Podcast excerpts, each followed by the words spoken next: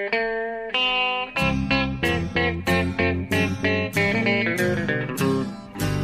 out there, we're on the air. It's hockey night tonight. Tension grows, the whistle blows, and the puck goes down the ice. The goalie jumps and the players bump and the fans all go insane. Someone roars, Bobby scores at the good old hockey game. Oh, the good old hockey game is the best game you can name. Hallå, hallå, hallå, hallå, hallå, hallå, hallå, hallå, hallå. Ja, hallå!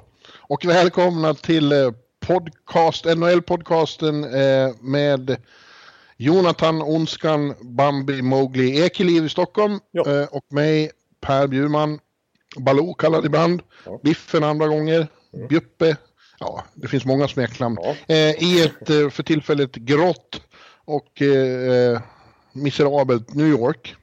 Just det. Vi ska nu spela in vårt 215 avsnitt. Eh, det är ju inget speciellt med det egentligen, men vi är, eh, alltså själva siffran. Men vi är ju eh, väldigt glada ändå att få komma till er ännu en vecka på det här sättet.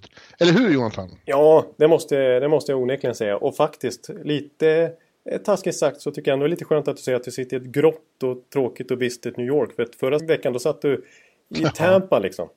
Och, och, och skröt om hur eh, det fladdrar till i palmerna och du tittar ut över, eh, över bukten Ja. och så vidare. Och, och Tickebaren och så vidare. Så att, eh, ja. Och, Så det, du tycker det är lite poetic justice att, att, jag, att jag tittar ut på, på ingenting. Det är bara dis och grått. Ja, exakt. Och samtidigt så inser jag att du är ju i New York och jag sitter i en trång poddstudio här i Stockholm. Det slår inte riktigt lika högt och jag kan säga att det är ju i det närmaste minusgrader här. Och jag har i kylan här råkat ut för årets eh, första förkylning också. Så jag bombar på med lite så här, vad heter det? Euko, jag kan inte ens uttala det. Så här, konstiga tabletter så att jag ska hålla ut en, en poddtimme här nu så att inte rösten ska eh, förstöras. Ja.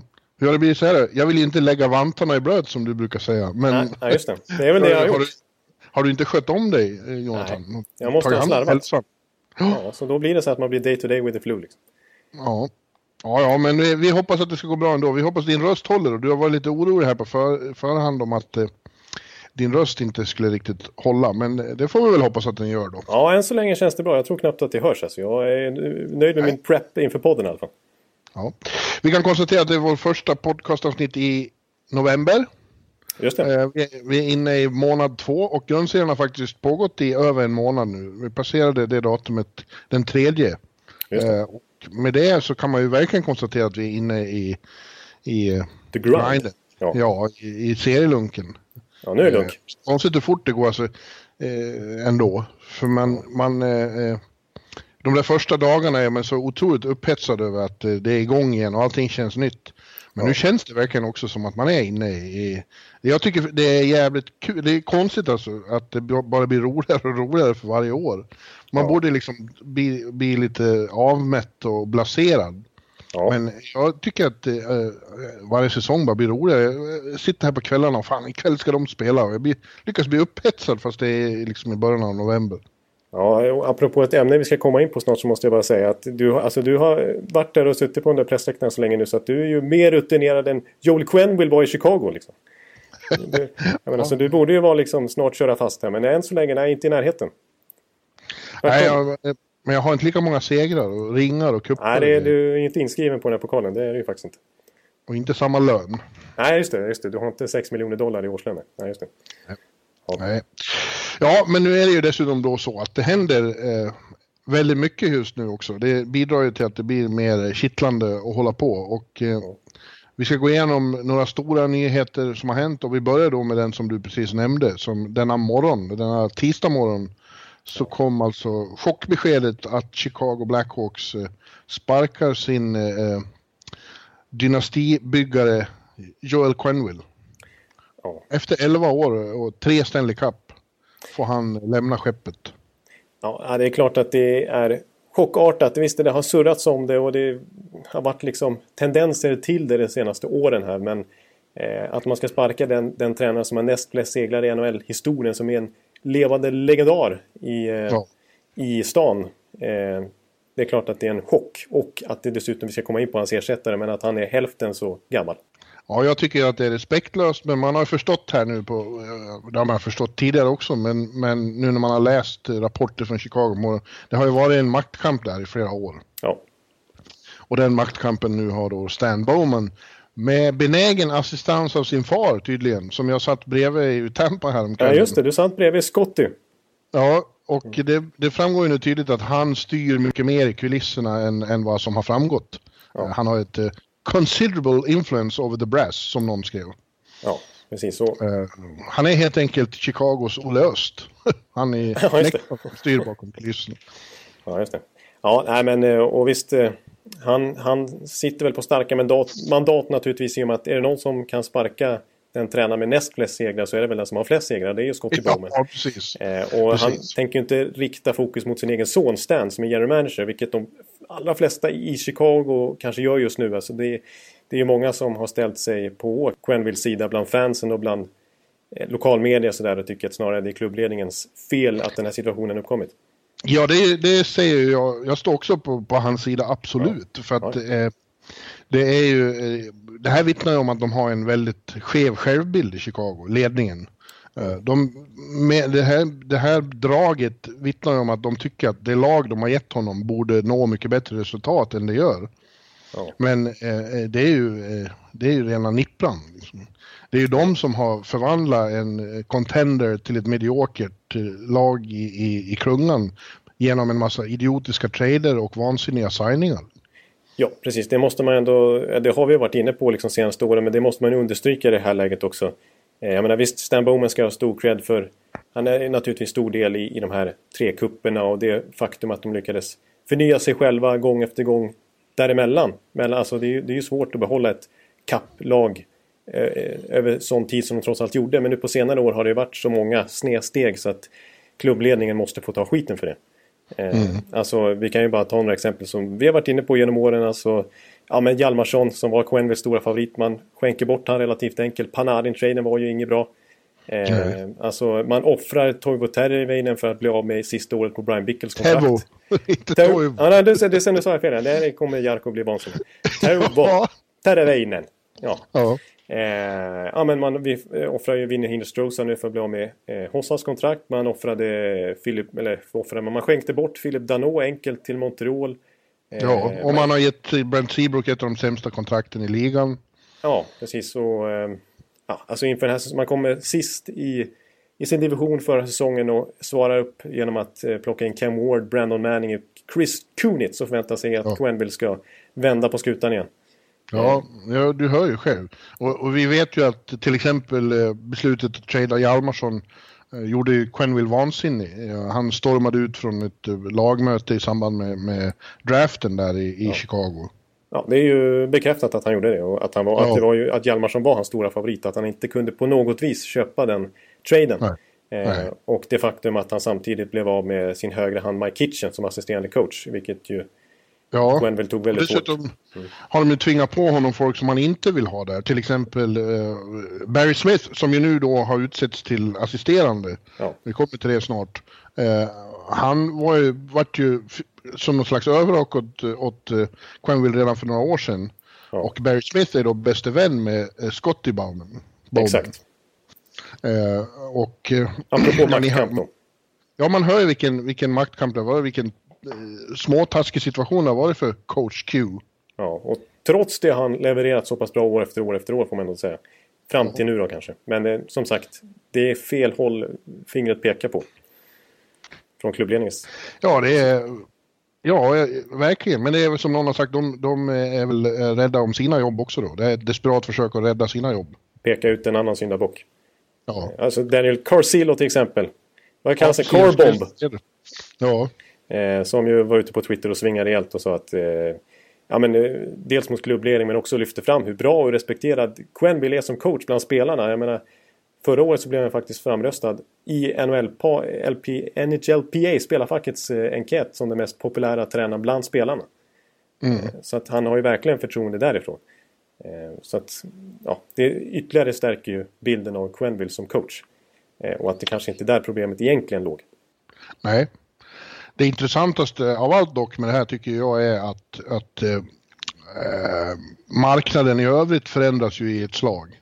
Ja, eh, när plötsligt Joel Quenville finns tillgänglig på, på marknaden, eh, då, då, öppnas ju oerhörda möjligheter för andra lag att göra som Montreal gjorde när, när Claude Julien var tillgänglig, fick sparken i Boston. Exakt. Eh, och det är ju ganska gott om lag, tycker jag, som, som eh, om jag var bestämde i Anaheim, Philadelphia, Florida, Edmonton, St. Louis, då skulle jag vara väldigt sugen just nu på att ringa Joel Quenneville och höra om han är intresserad av att jobba igen.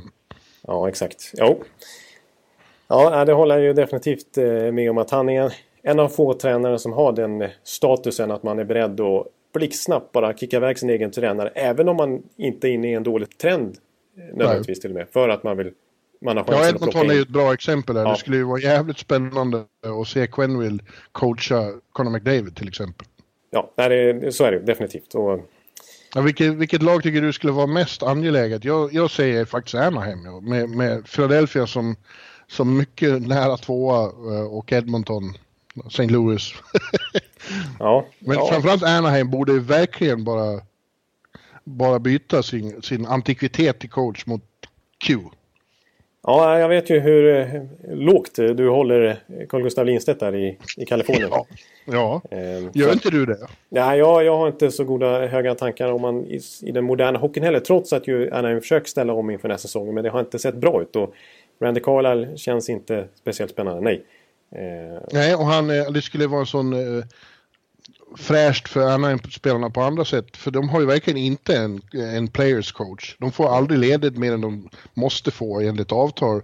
Medan Quenville är otroligt bra på att se till att spelarna har det bra och mår bra och, och vill spela för honom. Genom bland annat att de får väldigt mycket ledigt. Ja.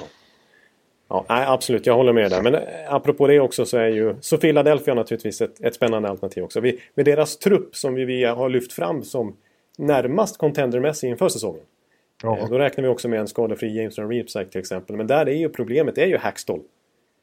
Ja. Det är väl ändå ganska överens om hans sätt att använda sina spelare och kommunicera med spelarna och sådär.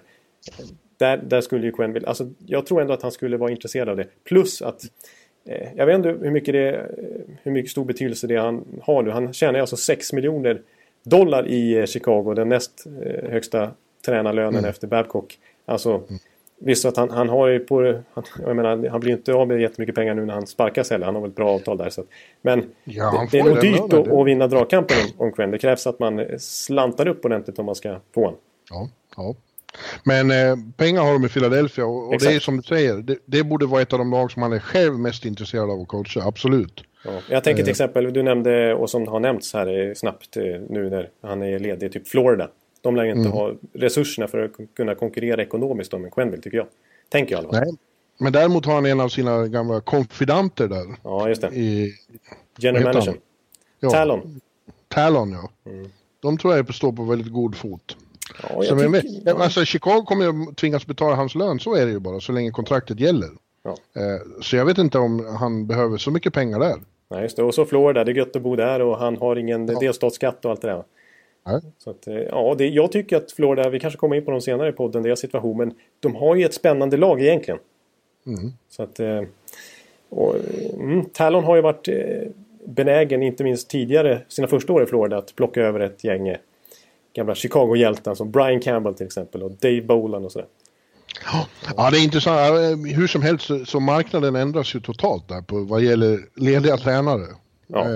Det, det är liksom, hela kartan ritas om. Alltså Darren Drager var ju inne nu på att oj, Los Angeles Kings alltså. Ångrar sig att de sparkade... Ja, vi ska sin... komma in på det. Det, det, det. det, tänkte jag på direkt också. Men den, vi måste ju prata om den som ersätter Quenville först också. Ja. Innan vi kommer till Kings. För det är ju samtidigt då väldigt intressant att en, en mycket Sverigebekant eh, amerikan, ung herre... Kanadi eh, Kanadik. Han är från... Han är från eh, ja, bond, bondpojk från eh, utanför Calgary. Ja, nämligen... Jeremy Colleton. Colleton som gjorde braksuccé i Mora då. Eh, det var ju där han blev tränare och eh, ja, gjorde verkligen succé. Ja, precis. Eh, men det vet du mer om än jag, för jag håller inte så jättebra koll på det som händer i Sverige. Nej, du är ju inte på plats under, under vintrarna och sitter i, i smidig grav arena liksom. Det gör inte jag heller visserligen, ska jag erkänna. Men... Eh, jag har aldrig varit i Smidegrav och planerar aldrig att åka dit heller. Nej, du, du har ju så att säga andra skäl eh, också kan jag tänka mig. Rent sympatimässiga, vilket, vilket lag som spelar där och så vidare. Mm. Men, men, nej men jag... Just Colleton har jag, jag tyckt varit så intressant och jag som är så intresserad, intresserad men jag följer ju AHL rätt noggrant också. Och, ja, jag erkänner. Ja, och eh, så inför den här säsongen när vi skulle göra NHL-bibeln så, så tänkte jag att nu, nu vill jag göra ett grepp på Jeremy Colleton för att hans första säsong var så pass bra i, med Rockford. Och det var lite svårt måste jag säga att övertala Baronen, våran bibelchef, att lägga fem sidor på en AHL-tränare. Eh, när man ska göra en NHL-bibel och har begränsat utrymme och kan skriva om vad man vill egentligen. Eh, mm. Men jag fick ju faktiskt göra en intervju med Colleton och prata med honom i nästan en timme. Och Eh, jag har ju en väldigt stark känsla för honom och hans egenskaper som, som tränare. Egentligen alla man pratar med, naturligtvis i Mora, där är han ju i princip gud. De vill ju nästan resa en staty över honom efter hans insats ja. där. Så han tar ändå ett lag som har en väldigt begränsad budget även på Hockeyallsvensk nivå till SHL och slår ut faktiskt ditt Leksand i det där klassiska kvalet. Mm. Eh, och eh, och det liksom, mängder av SHL-klubbar rycker om de vill ha honom och så får han här AHL-chansen istället att ta den efter att eh, alltså, egentligen inte ha någon tränarbakgrund överhuvudtaget dessförinnan. Den kom ju till Mora som spelare. Eh, fick mm. sin femte, sjätte hjärnskakning eller sånt där, eh, vilket gjorde att han var tvungen att lägga av. Och sen ta den här tränarrollen av en ren slump. Det var ju inte han som sökte den, utan det var Peter Hermodsson, klubbdirektören, som bara såg att han ska ha mycket cred för det här nu idag. Eh, det var han som såg liksom att, den, och även Ragge Johansson ska jag säga, deras assisterande på den tiden, att eh, Roger Johansson, att det här kan ju bli något riktigt speciellt den här Colleton, alltså hans, hans, hans personlighet bara mm. lyser ledare. Och eh, ja, nu när han kommer till AHL också så är det ju samma sak. Spelarna där, en sån som Erik Gustafsson som gjorde jättebra ifrån sig under Colleton innan han blev uppkallad och verkligen etablerade sig och fick nytt kontrakt. Fett kontrakt med Chicago i fjol. Och, och annat, Cody Fransson, typ superetablerad spelare som, som var nere med Colleton i fjol efter, vad kan han ha spelat, 500 NHL-matcher och massa coacher han haft under sina dagar. Och också liksom, oj, Colleton, vilken stämning han skapar i den här gruppen. Man vill spela för Colleton. Eh, mm. Han är speciell eh, som person. Han, ja. Ja, med tanke på ungarna. Han är ju faktiskt yngre än, än eh, Duncan Keith till exempel. Ja, han är det. Eh, Eh, det blir en väldigt speciell situation. Det är man ju inte van vid i NHL. Nej, verkligen inte. Det är 50-60. Eh, jag har förstått att i, i, Sverige har ju det här varit liksom nästan som att uh, äntligen får vi vår första NHL-coach. Ja. För att han uh, uttalade, den första riktigt uttalade SHL-coachen som, uh, som får ett jobb här. Ja. och ja, jag kan bara hålla med utan att veta lika mycket som du om honom så är det ju spännande såklart. Eh, jag bara känner det där att det är för respektlöst mot Quenville, det är inte hans fel. Men att klubben eh, behandlar Q så här. Ja. Eh, Nej, det är ju, det är ju personligt mot Quenville snarare än ja. hans kvaliteter. Men det ska bli väldigt spännande att se hur, hur, hur det går för Colliton då. Ja, jag, jag, kan bara säga snabbt, han sett, alltså, för han är ju också en players coach, alltså han pratar ju väldigt mycket med spelarna. Och jag, jag såg att det är ju Hermansson varit inne på, men även AHL general manager där, att man har aldrig sett honom upprörd. Han är alltid väldigt samlad och kontrollerad. Han kan ju bli arg och liksom markera, men han blir aldrig upprörd och alltid håller han liksom en god ton på något vis. Eh, och han är väldigt noga med att liksom prata med spelarna om de har gjort fel, inte liksom bara vifta bort utan väldigt kommunikativ. Eh, mm. Och just det här med att få ihop gruppen som alla är inne på också. Mora, eh, Rockford nu liksom. Ja. Alltså, det är det som är hans grej. Det är just kommunikationen tror jag som är nyckeln. Han är så otroligt bra på att föra sig i alla sammanhang. Det var Hermodsson inne på också. Du kunde skicka han till de största sponsorerna och han förde sig galant Du kunde skicka han till gubbhyllan där de mest luttrade fansen satt och liksom oj, älskar Colleton. Och till spelarna och till materialarna. Gubbhyllan i Smidigrav, den vill man knappt tänka på. Precis, så, att, så att han, han, är, det är just den kommunikativa förmågan som är, som är hans grej. Och eh, mm. jag, jag, tror hans spelarkarriär ändå spelar in mycket också hans, hans erfarenheter därifrån att han var ju en supertalang som ung. Han spelade i samma JVM-lag som Brent Seabrook då till exempel. Och mm. Crosby och Bergeron och så vidare. Och eh, han har en NHL-karriär bakom sig. Han lyckas inte slå igenom. Eh, han hade mycket skador och sådär. Eh, men han har ju spelat mängder av AHL-matcher, han har spelat NHL-matcher, han har varit i Europa, han har liksom enormt bred erfarenhet trots sin ringa ålder skulle jag säga. Så att, ja, jag tror mycket på Colleton och, och Däremot så vill jag ta ner lite förväntningarna här på kort sikt. Det är fortfarande det här ganska klena truppen. Jag skulle just säga det. Han får fortfarande, det är NHL det här och han, ja. han har ett ganska begränsat material att jobba med. Precis, och det är en annan kravbild än Mora. Liksom. Ja, ja, och det är väl inte omöjligt att det blir en, en effekt direkt. Och de, nästa match är på torsdag. Då har de Carolina hemma i Madhouse. Ja, men i Mora då, då gjorde han, de gjorde två mål hans första fyra matcher. Ja. Så det, det tog ett tag för hans idé att sätta sig. Jag, tror, jag, jag kan tänka mig att det blir att, kan, att han kan vara lite besvikelse i början snarare att det blir, blir en sån här jättepositiv effekt. Utan jag tror han är väldigt så här långsiktig coach. Och även i Rockford började första halvan av säsongen var inte så övertygande. Sen verkligen trummade de igång och gick till semifinal. Så att eh, ja.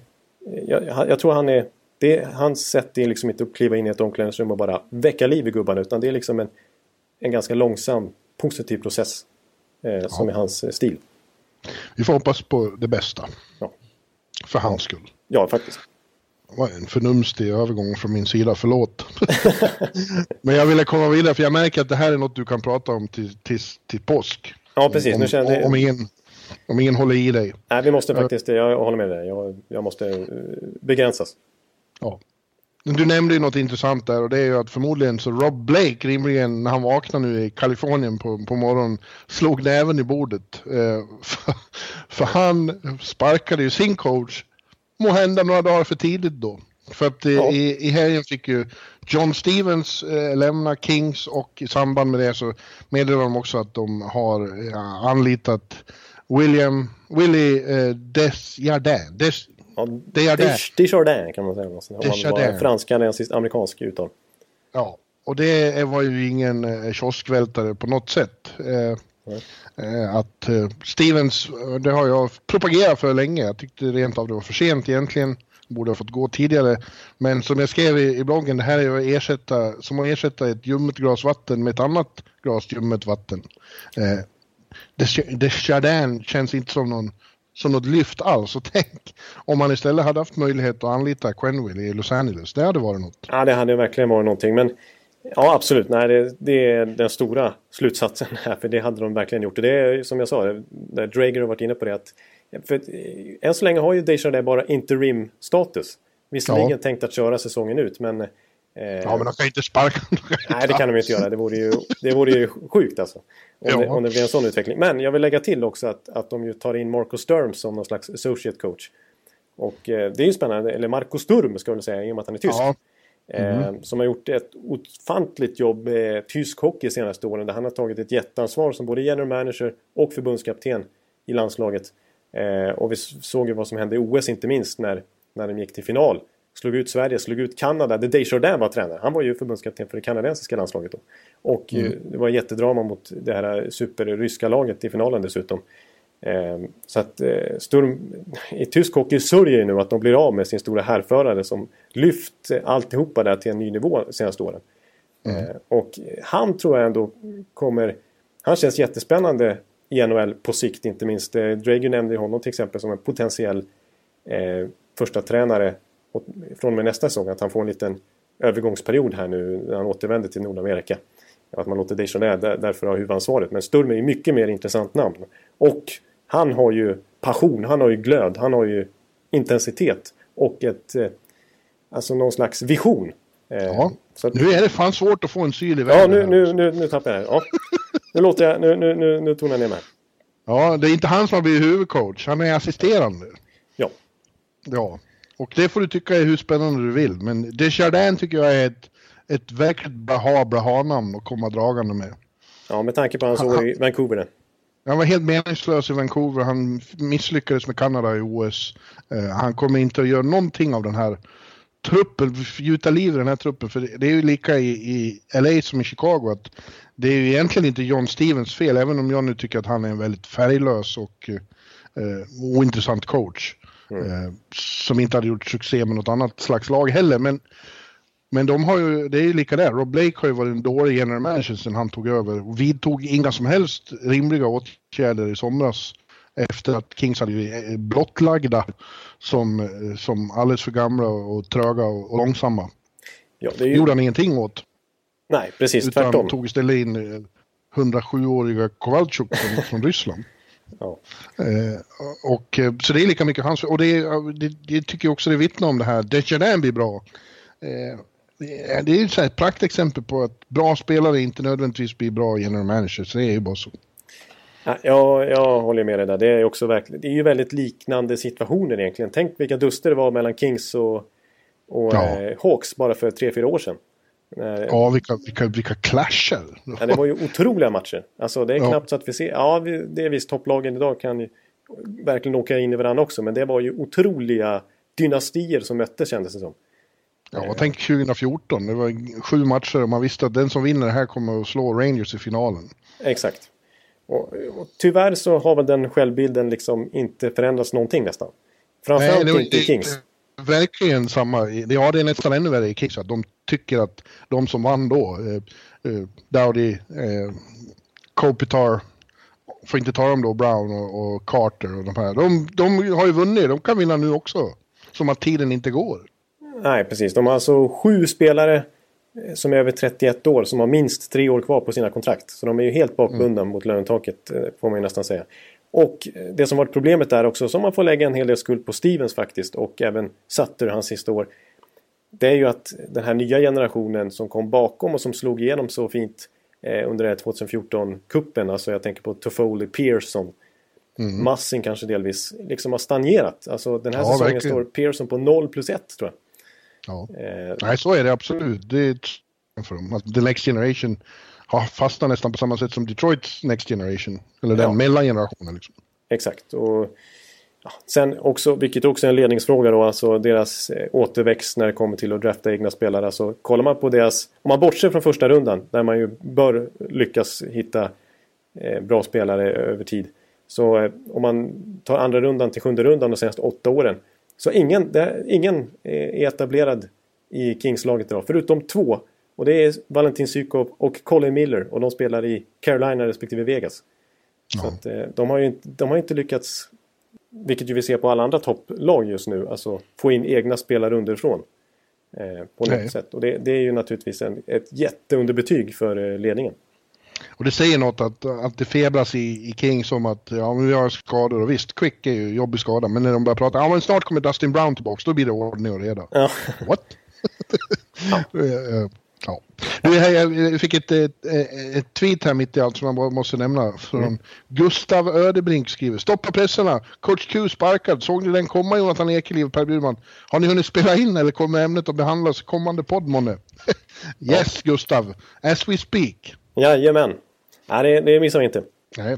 Ja, jag tror att eh, eh det blir tungt för Desjardins att vända på det här. Hur mycket, hur mycket den stormar i bakgrunden. Oh, oh. snyggt. Det där, det där var, det var dagens bästa skulle jag säga. Det där hade jag inte ja. räknat med. Nej, det hade nej. du inte. Nej, det var fem plus. Ja. Nej, men eh, nej, nej. Eh, det, jag säger samma sak och lite för Colleton också. Alltså att materialet att jobba med här är ju väldigt tungt. Det är snarare en ledningsfråga att försöka bygga om laget eh, än att eh, tränaren ska göra underverk. Ja. Eh, för det, det, måste till här i så fall.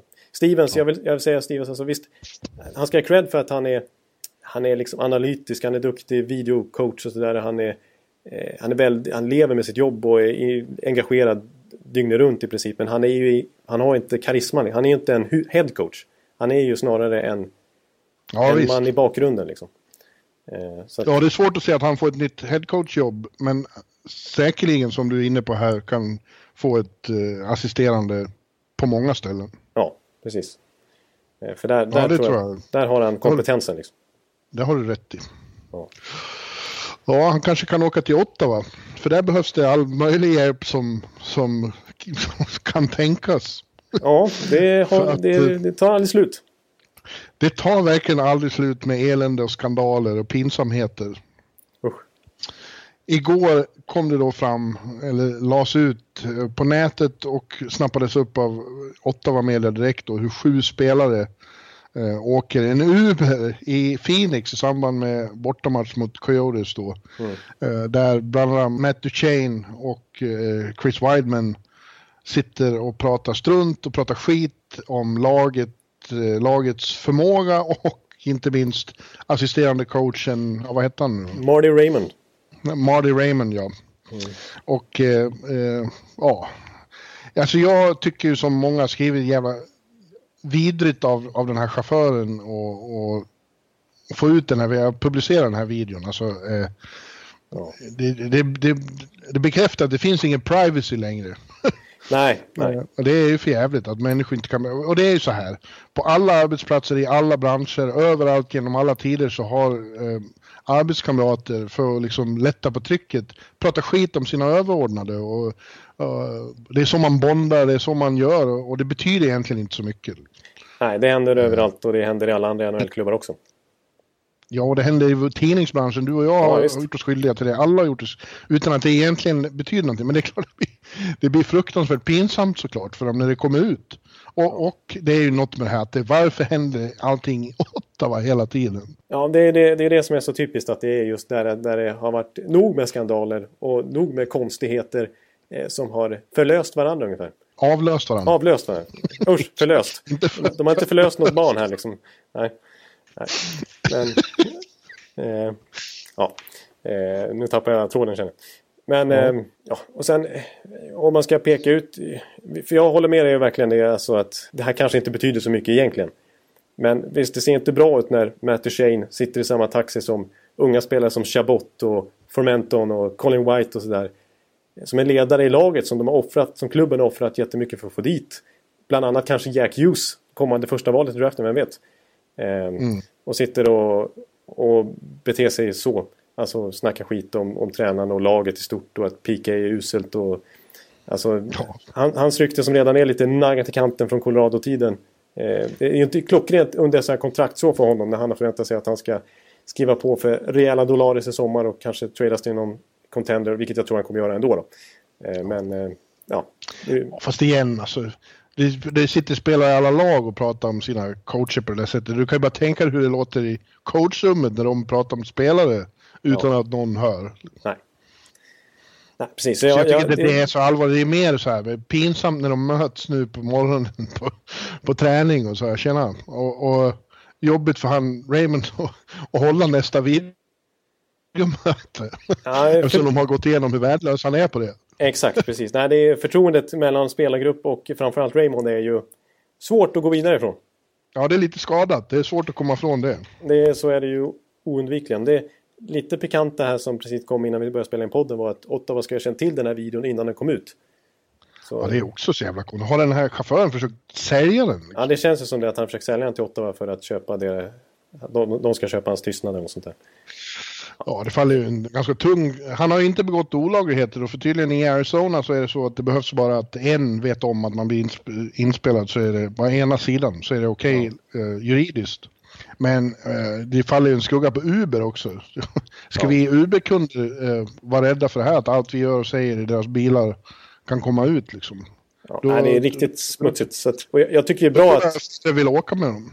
Jag tycker det är bra att Ja, jag håller, absolut. Och jag håller med. Jag tycker det är bra att eh, både amerikansk och kanadensisk media, de här stora mediebolagen, inte gjort en jättegrej av det här ändå. Mm. Eh, för att alla känner ungefär likadant. Att det här är mer ett brott mot deras privacy än att det är en skandal att kritisera sin egen tränare. Liksom. Men Ottawa Citizen och Ottawa Sun, de har brakat på ordentligt. Ja, jo det har de ju gjort. Men eh, eh jag tycker typ TSN och sen inte har plockat upp det extremt utan... Nej. Ja, jag, jag tycker det är rimligt i alla fall.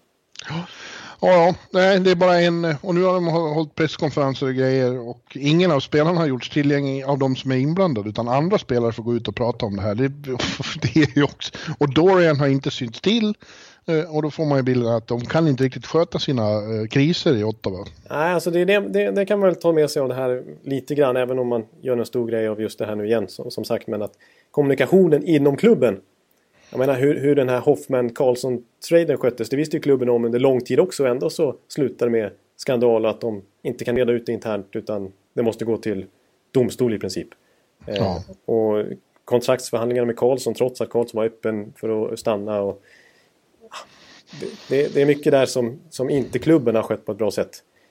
Att man, ja, nej, det, det, nu tar jag det långt men... De har Devils hemma ikväll. Eh, det blir väldigt spännande att se hur det ska gå. Och hur svårt det kommer att vara för Devils-spelarna att inte trash-talka lite om det här i, vid avblåsningar. Och så. Det kan vi förvänta oss definitivt att de kommer göra. Så är, det. är det videocoachen som har lärt dig det där movet? Ja, just så skulle jag säga. Ja, just det. Quality sleep is essential for boosting energy, recovery, and well-being. So, take your sleep to the next level with Sleep Number. With a Sleep Number smart bed, you can individualize your comfort level and enjoy a better sleep night after night. JD Power ranks Sleep Number number 1 in customer satisfaction with mattresses purchased in-store. And now the Queen Sleep Number C4 smart bed is only $1,599, a saving of $300 only for a limited time. For JD Power 2023 award information, visit jdpower.com/awards. Only at Sleep Number stores or sleepnumber.com. Ja, du, själv så eh, hade jag tänkt att vara hemma ikväll. Eh, för det är ju då match på Garden, Rangers Montreal. Just det. Eh, men ja, det är så mycket nu och har så mycket som kommer upp och har så mycket ärenden att göra och ska spela in det här med dig idag och det är skitväder. eh, så jag tänkte att jag stannar hemma och tittar på tv och ser när Elias Pettersson, Elvis, kommer till Detroit. För något säger mig att han kommer att ha en eh, trivas bra mot Detroits backar om jag får uttrycka det ja, försiktigt. Det finns, finns en chans till det. Mm. Men igår kom ju då beskedet, det kom ett mail från eh, från Rangers om att de har plockat upp Elias Andersson från Hartford så han skulle spela ikväll då och det kan jag inte missa. Så när vi har gjort det här så är det bara att trampa iväg över Manhattan eh, för att se det. Och det är väl lite kul att Elias får chansen. Det får han ju då för att eh, den här, eh, vad heter han då? Brett Howden. Brett Howden ja, skadades i senaste matchen. Ja, och ja, så jag ska gå och se på, på Elias. Hoppas det går bra. Ja. De har varit okej okay på slutet, Rangers. Började dåligt med deras roadtrip, men de avslutar bra. Eh, vann häromkvällen. Och eh, Lundqvist säger de lär sig av sina misstag hela tiden. Det är en process. Men han är ju för jävla bra alltså. Jo, han har ju börjat den här säsongen lysande får man säga. Ja, de var grymma mot, han var grym mot Buffalo häromkvällen så till och med motståndarna var tvungna att... Och han kallar sig kingen av en anledning, sa Rasmus Dahlin efteråt. ja, visst, visst. Ja, han håller dem flytande kan man säga ändå. Och, och, och låter dem... Eh, eh, det är ju en process liksom. Ja. Och, och, och, de är ju som de har sagt. Visst, resultaten är inte jätteviktiga i år men, men eh, man vill inte heller att en förlorarkultur ska, ska slå rot att, det liksom, att man tycker det är okej okay att förlora. Det är ju farligt. Nej, nej det är livsfarligt. Eh, men det ska, bli, det, det, ska bli kul att se Elias som sagt. Han har gjort det bra i AHL också. Har jag noterat. Hoppas att, ja det har han och hoppas att han får spela i en meningsfull kedja då för att det är rätt mycket kritik redan mot coach Quinn här om att han ja. eh, använder materialet på konstigt sätt och en, envisas med att ändå spela tråkiga meningslösa veteraner som han, vad heter han, Cody, jag vet inte hur man uttalar Cody McLeod. Ja. Cody McLeod eh, så mycket liksom. Varför, varför, ska han vara med på bekostnad av unga spelare som ska utvecklas och ta det här vidare? Skyttil och Howden när Howden varit eh, frisk och sådär. Ja, jag fattar inte riktigt det. Mm. Så, precis som Tobias Pettersson skulle jag ikväll vilja se en kedja med, med Bushnevich, Hytil och, eh, och, och Elias. Det skulle vara något. Det, vore, det håller jag med om. Alltså, och det som du var inne på för en eller två veckor sedan också. Att I och med att de ändå är inne i den här processen nu så våga testa lite grann. Alltså, ja, exakt. Jag ska ändå trada bort man... det här gänget eh, Zuccarello, Hayes och så vidare om ett par månader. Det kanske är lika bra att börja nu. Ja. ja Istället för att försena processen. Ja, det var, verkligen, verkligen. Ja, men det ska bli kul att se Elias. Det är dock ett annat lag här i stan som, som eh, är bäst i byn. Ja, det är lite oväntat. Med bred, med bred marginal. Ja, mycket överraskande är det ju då. Eh, New York Islanders går jävligt bra. Ja. Uh, och det är ju överraskande eftersom vi var så många som trodde att de kommer inte ens att kunna hitta parkeringen i, vid arenan utan John Tavares. ja, just det. De skulle ju vara lost och, och, det skulle gå åt skogen på alla sätt och vis. Men eh, Barry Trotz har gjort ett otroligt fint jobb so far. Ja, det är väl svårt att... För jag tror att det är honom man kan tillskriva det här. Ja, det måste man väl ändå göra. Det är ju eh, kanske till viss del Lamoriello också. Det är lite den här kravbilden på spelarna. Men framförallt Barry Trotz. Jag menar, han är ändå regerande Stanley Cup-tränare. Han kliver in i ett Islanders som var katastrof defensivt förra säsongen. Ja. Eh, och nu leder de Metro liksom. Mm. Och det är inte alls samma svängdörrar defensivt. Visst, underliggande siffror pekar på att är, de har fortfarande problem definitivt. De har, deras PDO har skjutit höjden totalt. Men sen får man ju också slänga in Mitch Korn då, som har gjort, eh, tagit målvaktsspelet till det bästa faktiskt i NHL just nu. Lägger man ihop räddningsprocenten för både Grice och Lener så är den bäst i hela NHL. Ja. Så att... Eh... Ja, men för, även om siffrorna så har ju liksom deras framförallt försvarsspel har ju eh, blivit mer stabilt. Ja, jo. Det, det känns, eh, om, om, man får använda det vedervärdiga uttrycket, ögontestet då, så ser det ja. ju liksom eh, mer struktur och ordning och reda. Kommer ihåg vad Burakovsky sa förra säsongen ja, efter någon match mot Islanders? Att, eh, han erkände öppet, det har aldrig varit så lätt att spela mot något lag. Nej, vi fick åka cirklar mellan dem ungefär. Ja, det var, ja. det var och för så enkelt. är det inte nu. Ja. Så är det inte. Så tror jag också att de har, efter allt som har hänt den, framförallt i Tavares-affären, då har verkligen lyckats utveckla den här starka vi mot världen-attityden. Ja, och inte minst sådana här spelare som, som blev lite utdömda då, som har liksom fått ett stämpeln på sig att de har levt på Tavares. Jag tänker på en Brock Nelson, på en Anders Lee, på en Josh Bailey ja. inte minst. Och ja. det är faktiskt de som varit bäst poängmässigt hittills. En Matt Barzal har fort, visserligen gjort en hel del poäng också, men har ju in, haft en ja, tendenser till sophomore slump här. Att svårare nu när han har mer bevakning på sig och större press. Och eh, till och med faktiskt varit petad stundtals av Barry Trotz. Ja, det började väldigt bra, men sen har det, han har sjunkit tillbaks lite. Och... Mm, och Bövelier, en annan ung spelare, har ju bara gjort något enstaka mål och också varit lite petad. Men de, de leder faktiskt Metropolitan, Jonathan. Ja. Tre poäng för Pittsburgh och Washington. Ja. Eh, det såg du komma, eller hur? Nej, det såg jag onekligen inte komma alltså. alltså och nu alltså den här senaste liksom formtoppen som gjort att de har skjutit i höjden och stuckit iväg till eh, att leda division med tre poäng. Det är ju... Eh, alltså de har, de har legat under i totalt jag tror 18 minuter de senaste sju matcherna. Då har de förlorat mm. två av dem men de har förlorat i övertid eller, eller straffar. Så att, eh, stabilitet får man onekligen säga att Barrett trots har, har fått in det. Det, nej, det, det, det, det är samma slutsats jag som du kom fram till. Att det måste ju vara han som satt krav på det här laget. Ja, med Old School Lou i bakgrunden också. Man skapar mer seriös stämning. Ja, men det får man nog ändå konstatera.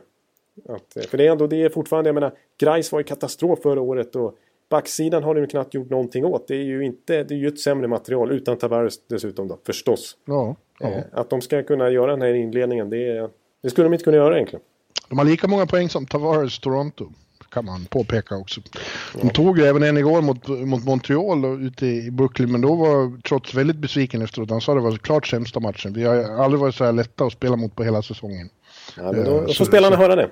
Ja, eh, precis. Eh, vi får se, vi, vi, vi, har väl inte köpt det till 100% att de kommer att vara ett topp 3 Metropolitan eh, hela vägen. Jag, jag, slänger in en, en sån här avancerad statistik bara som, är så, som var så tydlig. För att nu ligger de alltså på 105 i PDO, skottprocent plus målvaktsprocent. Och det gjorde alltså Ottawa efter första veckan när de imponerade så stort. Och sen nu har deras PDO sjunkit ner till 100-strecket ungefär. Och vi har sett hur det har gått. Så att 105 det är inte, det är inte hållbart. Eh, det kommer, det, de kommer tappa. Men hur mycket de tappar det återstår att se. Det, jag tror inte det, det blir ju inget Ottawa-förfall här utan eh, ja, de, det finns nog lite tro på slutspel där faktiskt. Ja, varför ska du inte göra det? det, det när det går så här bra så ska man väl köra. Eh, jag ser fram emot, det har inte hänt än, men fram i december här nu så kommer de att börja spela matcher ute i NASA också. Just det. Eh, jag ser fram emot mycket att komma tillbaka dit, för det var ju en jävla hall på många sätt och vis. Pain in the ass att komma dit och därifrån, men, ja. men press, pressläktaren var ju en av de bästa i världen trång och bedrövlig, men man satt ju kändes det som på isen. Ja, just det. Det var det som var grejen. Ja, det ska bli häftigt att komma till. Du, nu såg jag för, förresten, det här är så extremt off topic någonting kan bli. Ja. Men jag såg en tweet som. Tadson har retweetat, jag måste få säga den bara. Ja, för ja, det. Det, en person... en person är skjuten i foten, i handen. Det är alltså någon i Stockholmsförorten, Handen, som har blivit skjuten oj, i oj, oj, oj, oj, oj. Ja, den måste in i NHL-podden faktiskt.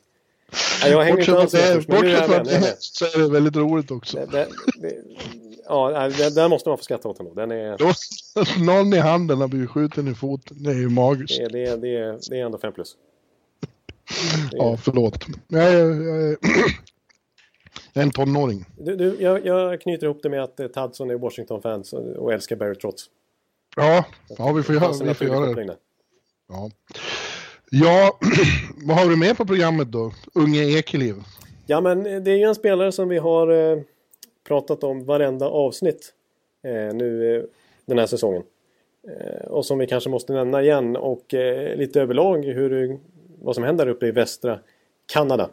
Eh, men Du tänker på Elvis? Jag tänker på Elvis då, som du redan har nämnt här. Som du ska... Ja, jag nämnde ju honom att han kommer att ha en, förmodligen väldigt trevligt i Motown. Ja. Elvis Motown-inspelningar, ja, de, ja det var något. Ja, just det, just det, just det. Ja. Ja, men... eh, just det, just det, just det. ja, nej, han hade ju kanske sin allra största uppvisning här då mot Colorado. När, han, eh, när han faktiskt stod för fem poäng. Två mål och tre assist. Dominant. ja, det var helt otroligt. Eh, man, man tror inte riktigt sina ögon alltså. Eh, han har spelat 15, match, 15 poäng på nio matcher nu. Ja, var de nio eh, mål? Ja, det är den bästa starten av en svensk i hela NHL-historien. En av de bästa starterna överhuvudtaget av en rookie. Ja, det är eh. aldrig hänt att någon har gjort nio mål på sina nio första matcher på 26 år. Alla nationaliteter inräknade. Ja, men om vi tar Sverige då så att ja. eh, Foppa, Sudden, eh, vilka ni vill.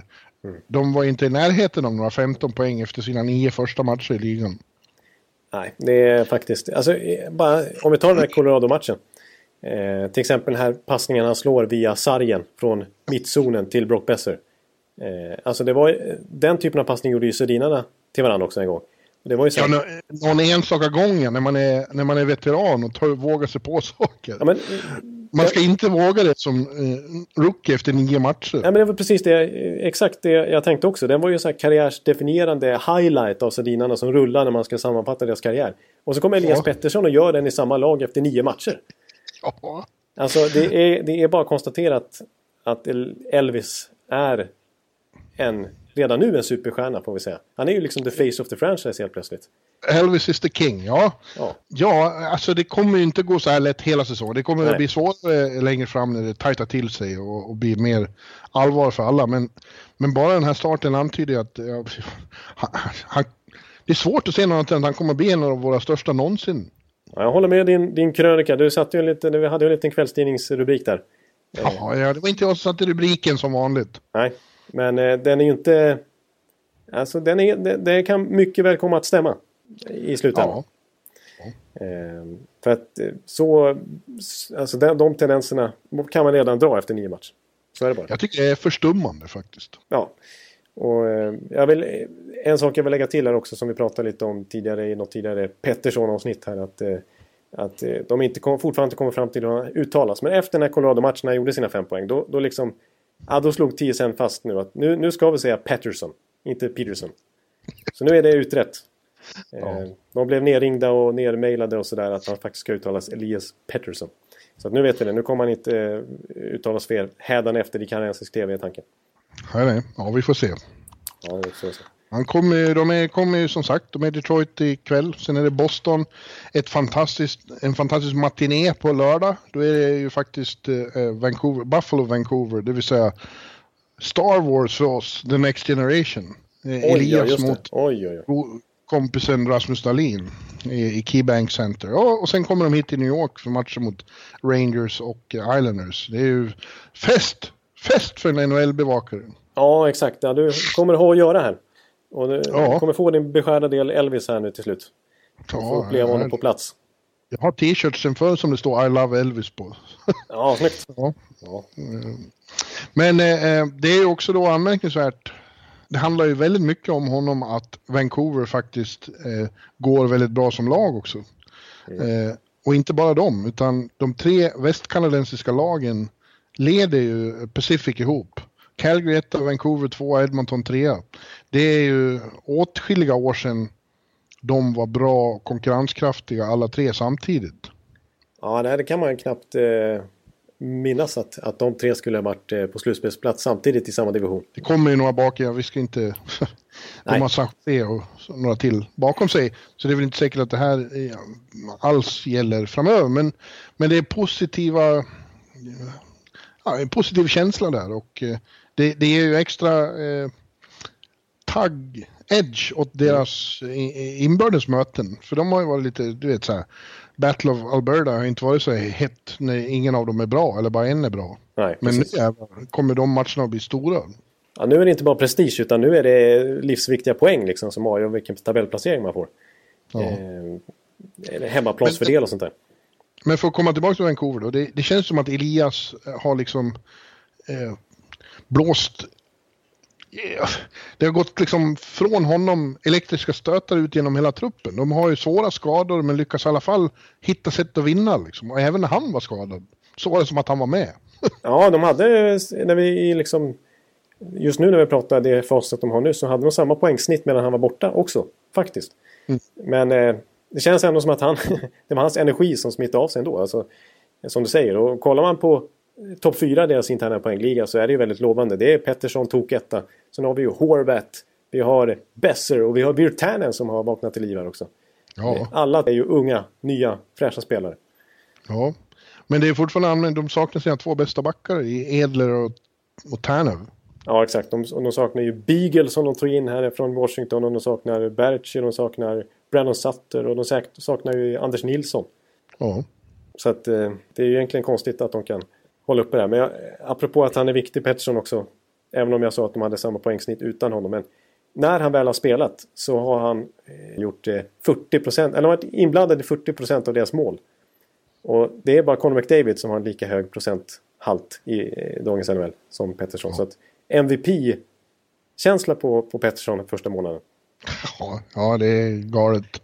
Och Cal Trophy kan de dela ut eh, redan nu. Ja, han fick ju alltså pris som månadens rookie här så sjöng om det.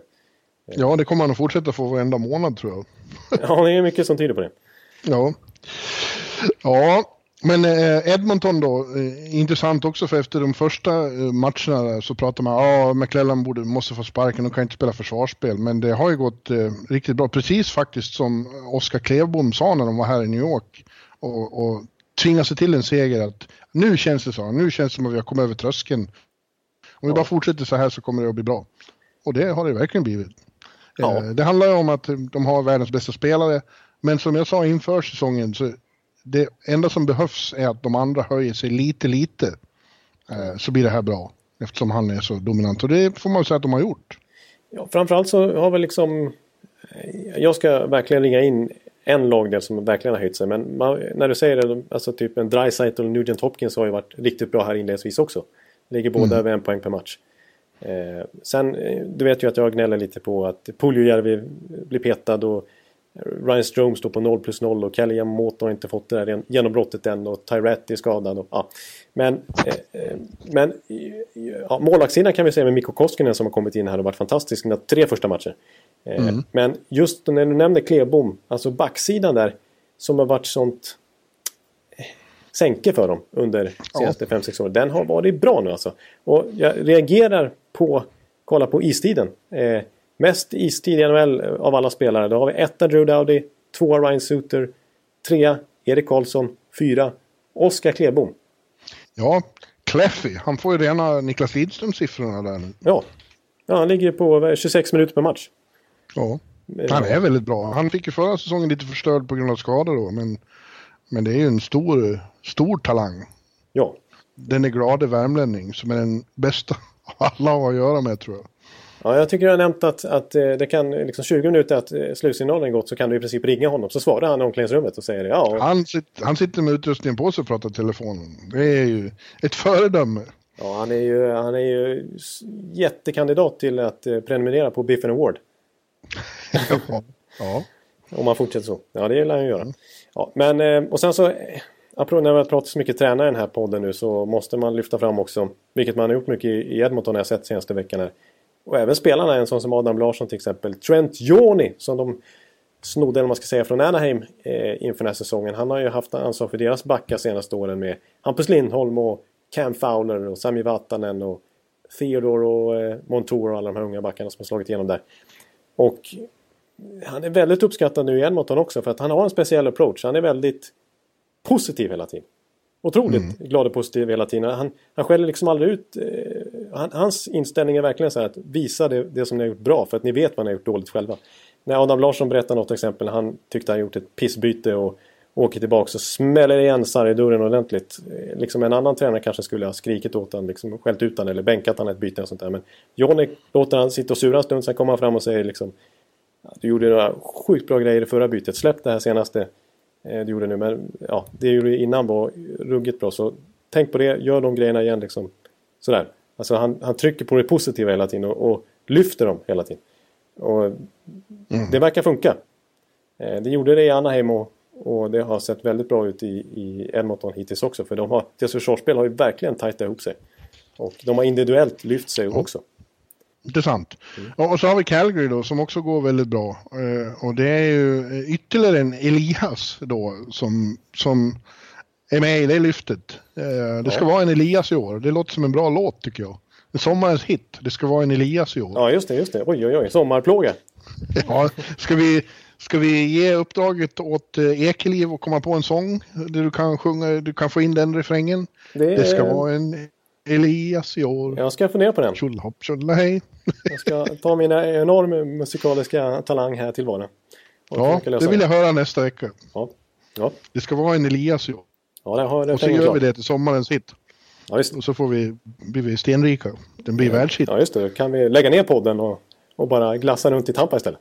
Jag skojar. Ja, ja. Det blir, det blir en världshit i, i framförallt västra Kanada. Just det.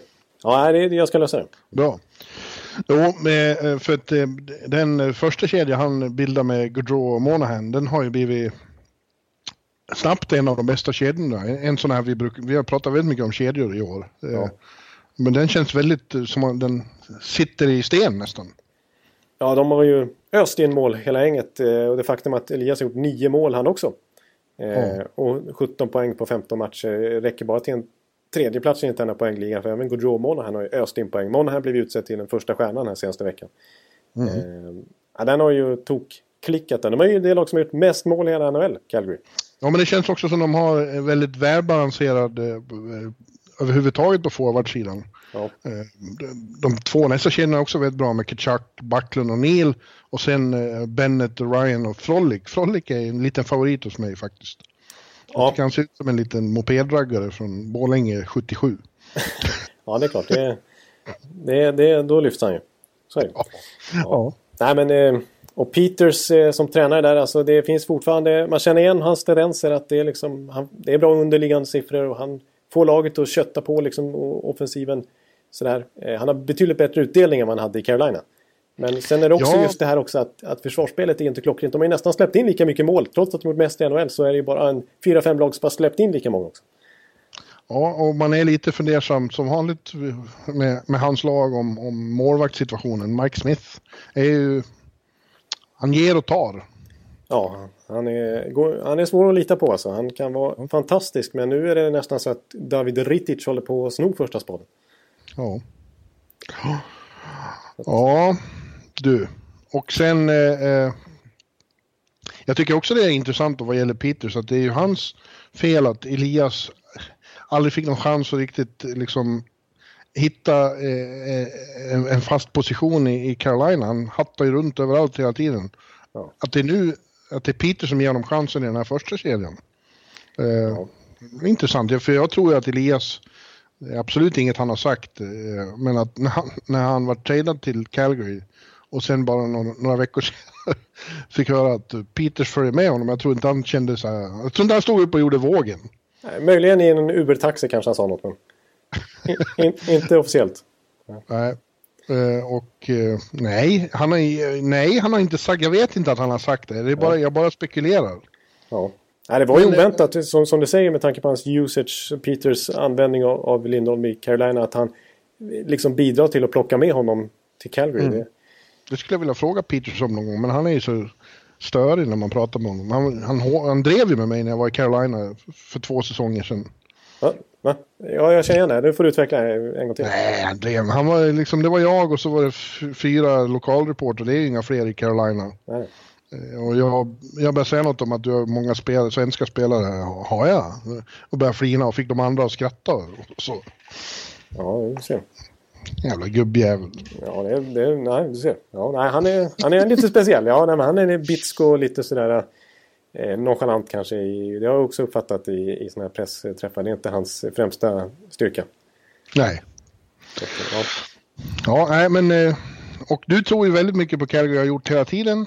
Eh, fortsätter så här så, ja, kanske. Ja, ja, skulle de lösa målvaktssidan på, no, på något vis. Om eh, Bobrovski till exempel, om de skulle ha råd att gå för honom. Eh, anser att de har pusselbitarna som krävs. Så jag menar, det är där den största svagheten sitter. Jag menar, backsidan har ju sett väldigt bra ut i år igen. Alltså Mark Giordano ligger ju också på en poäng per match. Ja. Eh, det, och, och, nu kommer det stora lyftet för Noah Hannifin kan jag berätta för att han har ju, i fantasyligan har ju han genomgått en trade. Ja. Från, från Ekelivs lyftkranarna till, till Balus New York Dolls. Ja, exakt. Du gick, du gick med på traden Segashev. Jag visste väl att det skulle gå att lura dig rent ja, emotionellt där. Ja, Segashev var helt värdelös i min fantasy. Ja, visst. Ja, ja, vi, vi har... han, nu är han hos dig. Ja, precis. Vi, vi, ehm, vi gjorde en trade där och, och eh, lyftkranarna är svårflörta när det kommer till trades. Du har skickat en tio förslag och sånt där. Ja. Och så helt plötsligt så, så kom ju Sergachev från Tampa. Du vet, då, då kan inte jag kontrollera din eh, analytiska förmåga. Så att, då tackar jag ja. Ja, ja bra. Ja, att, ja. Vem är det förresten som har Elias i vår, i vår Bladet-liga? Och det märkte jag tydligt här senaste veckan för då mötte jag Olle Stefansson. Han sitter på ja. Elvis och jag fick uppleva fem poängs match emot mig till exempel. Så att... Värmlänningar, de är jobbiga att ha att göra med. Ja, du ser. Usch. Ja, ja men du eh, Jonte, vi börjar väl närma oss slutet här nu. Vi har haft mycket att prata om idag. Det har varit eh, full fart faktiskt. Ja. Eh, en hel del att ta tag i. Men jag vill, jag vill ta upp ett ämne slutligen som jag, är väldigt, känns hoppfullt och roligt. Ja. Eh, även om man kanske inte ska, ska, ska, dra för stora växlar på det så är det så att det, senaste veckan har det bara surrats mer och mer om att eh, det kanske kommer att gå att undvika en arbetsmarknadskonflikt här nu då. Det är ju så att eh, mm. inte nästa säsong eh, i september så kan ju då antingen ligan eller spelarfacket eh, säga upp det nuvarande avtalet då. Så att efter nästa säsong så skulle det kunna bli konflikt igen, alltså lockout eller strejk. Och ja. i den här dysfunktionella ligan så verkar ju det vara standard. Liksom. Ja, det är något man har räknat med för att det bara, ska, ja. det bara blir så. Liksom. Men nu pratas det mer och mer om att båda parter inser att det vore väldigt, väldigt olyckligt att ha den konflikten redan 2020. Ja. För att ett, eh, det ska skrivas ett nytt tv-avtal just då. Det här tioåriga monsteravtalet ja, med NBC viktigt. går ut. Ja, det är extremt viktigt för båda parter. Liksom. Just det, ägarna vill ha sina pengar där och naturligtvis spelarna vill ja. ha lön. Eh, Samtidigt ska du Seattle in i ligan. Det är också mm. väldigt uh, lukrativt för alla att få in det här 32 laget med 650 miljoner. Ja. ja. Och slutligen, uh, det jag tycker känns allra mest roligt då är att man har insett att det är då man vill arrangera en World Cup. Och om man då skulle ha en World Cup och sen gå rakt in i en inställd säsongstart. Ja, det eh, skulle också vara dumt, för de tjänade rätt mycket pengar båda parter, de är ju, de är ju samarbetspartner i World Cup. Just det. Eh, delar på intäkterna därifrån och det har varit rätt ordentligt tydligen efter Toronto ändå. Just det, och vi har ju sett hur eh, lönetaket har gått upp rejält senaste åren. Det betyder ju att ja. det går bra för ligan. Ja, och så att eh, det betyder inte att konflikt kan undvikas helt och hållet, men, men det här tioåriga avtalet de slöt 2013 om det, de har ju så här option då och, gå ur det nu eller efter nästa säsong. Eh, eh, det, det, kan ju fortfarande, men om det får löpa linan ut så är det 2023 det tar slut. Just det. Just det. Och måste förnyas. Eh, och, de kanske väntar till dess, eller rent av kanske kan ta komma överens utan... En lockout? utan, utan lockout och strejk. Det vore ju något liksom. Men det, de är ju så misstänksamma mot varandra också. Spelarna framförallt äh, tror att, äh, att de blir lurade av ägarna hela tiden, vilket de ju också blir. Men, eller blåsta i alla fall. Ja, ja det, jag har ju svårt att tro att det, att det inte ska bli någon lockout, men eh, samtidigt de här aspekterna är ju så pass avgörande för båda parterna så att Ja, i så fall flytta ja, fram det. De vänta på det, skjuta, ja, skjuta fram Exakt, det är väl det troligaste kanske då. Eh, men det är, det är ändå skönt för att lockout är en sån otrolig tempodödare. Alltså det är så tråkigt att gå in i en höst och allt det där snacket, tugget hit och dit. Det är tröttsamt. Ja, det är fruktansvärt. Vad ska man göra då? Nej, precis. Vad ska man göra då? Det, nej, det, det, det vill jag inte vara med om. Nej, så det är hoppfullt om World Cup. Det vore ju festligt, synnerhet nu när det inte varit något OS då.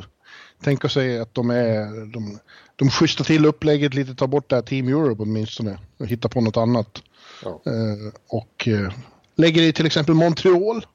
Ja. ja. Jag var i Toronto förra gången, det är dags för Montreal nu. Herregud, två, tre veckor i Bell Center.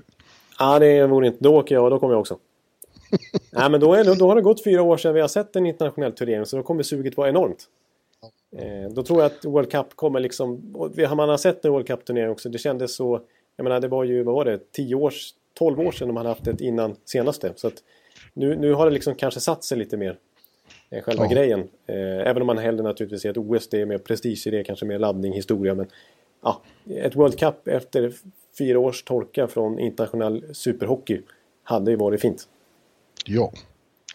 Ja, och med anledning av det så ska vi med start nästa vecka tror vi mm. ta börja ta ut lite World Cup-trupper bara för att det är så kul.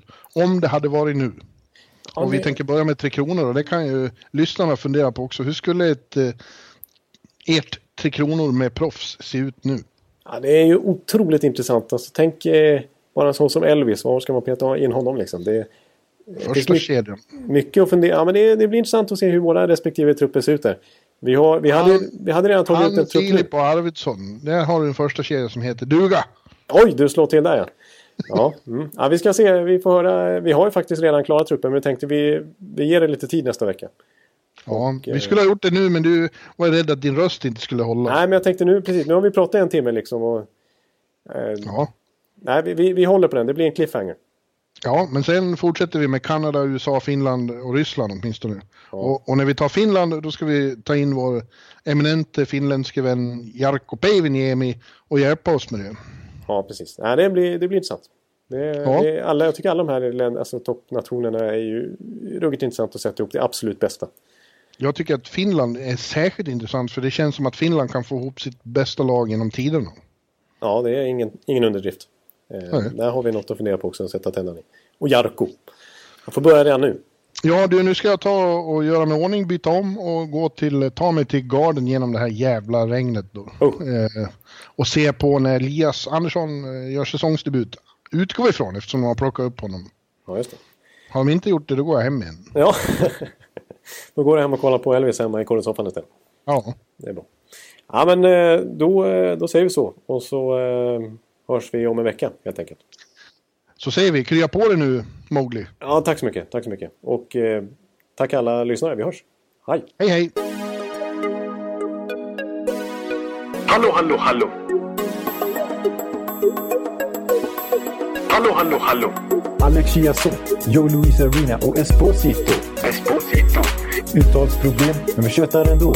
Och alla lugna, inspelningsknappen är på. Bjuder Hanna Kohl, han är grym i sin roll. Från Kållesoffan har han fullständig kontroll på det som händer och sker. Det blir ju allt fler som rattar in hans blogg. Och lyssna på hans podd. One, two, three, speed, so Hallå, hallå, hallå. One, two, three, speed, so Hallå, hallå, hallå. Ekeliv, som är ung och har driv. Verkar stor och stark och känns allmänt massiv. Han hejar på Tampa och älskar Hedman. Sjunger som Sinatra. Ja, och det ser man. Nu är det dags för refräng. Dags för magi, Victor Norén. Du är ett geni. Så stand up at home and remove your hats. Höj volym, för nu är det plats. One, two, three, speed, so Hallå, hallå, hallå. One, two, three, speed, so Hallå, hallå, hallå. One, two, three, speed, so Hallå, hallå, hallå. One, two, three, speed, so Hallå, hallå, hallå. Det är otroligt länge sedan båda samtidigt var så här bra. Hallå, hallå, hallå. Det är otroligt länge sedan båda samtidigt var så här bra.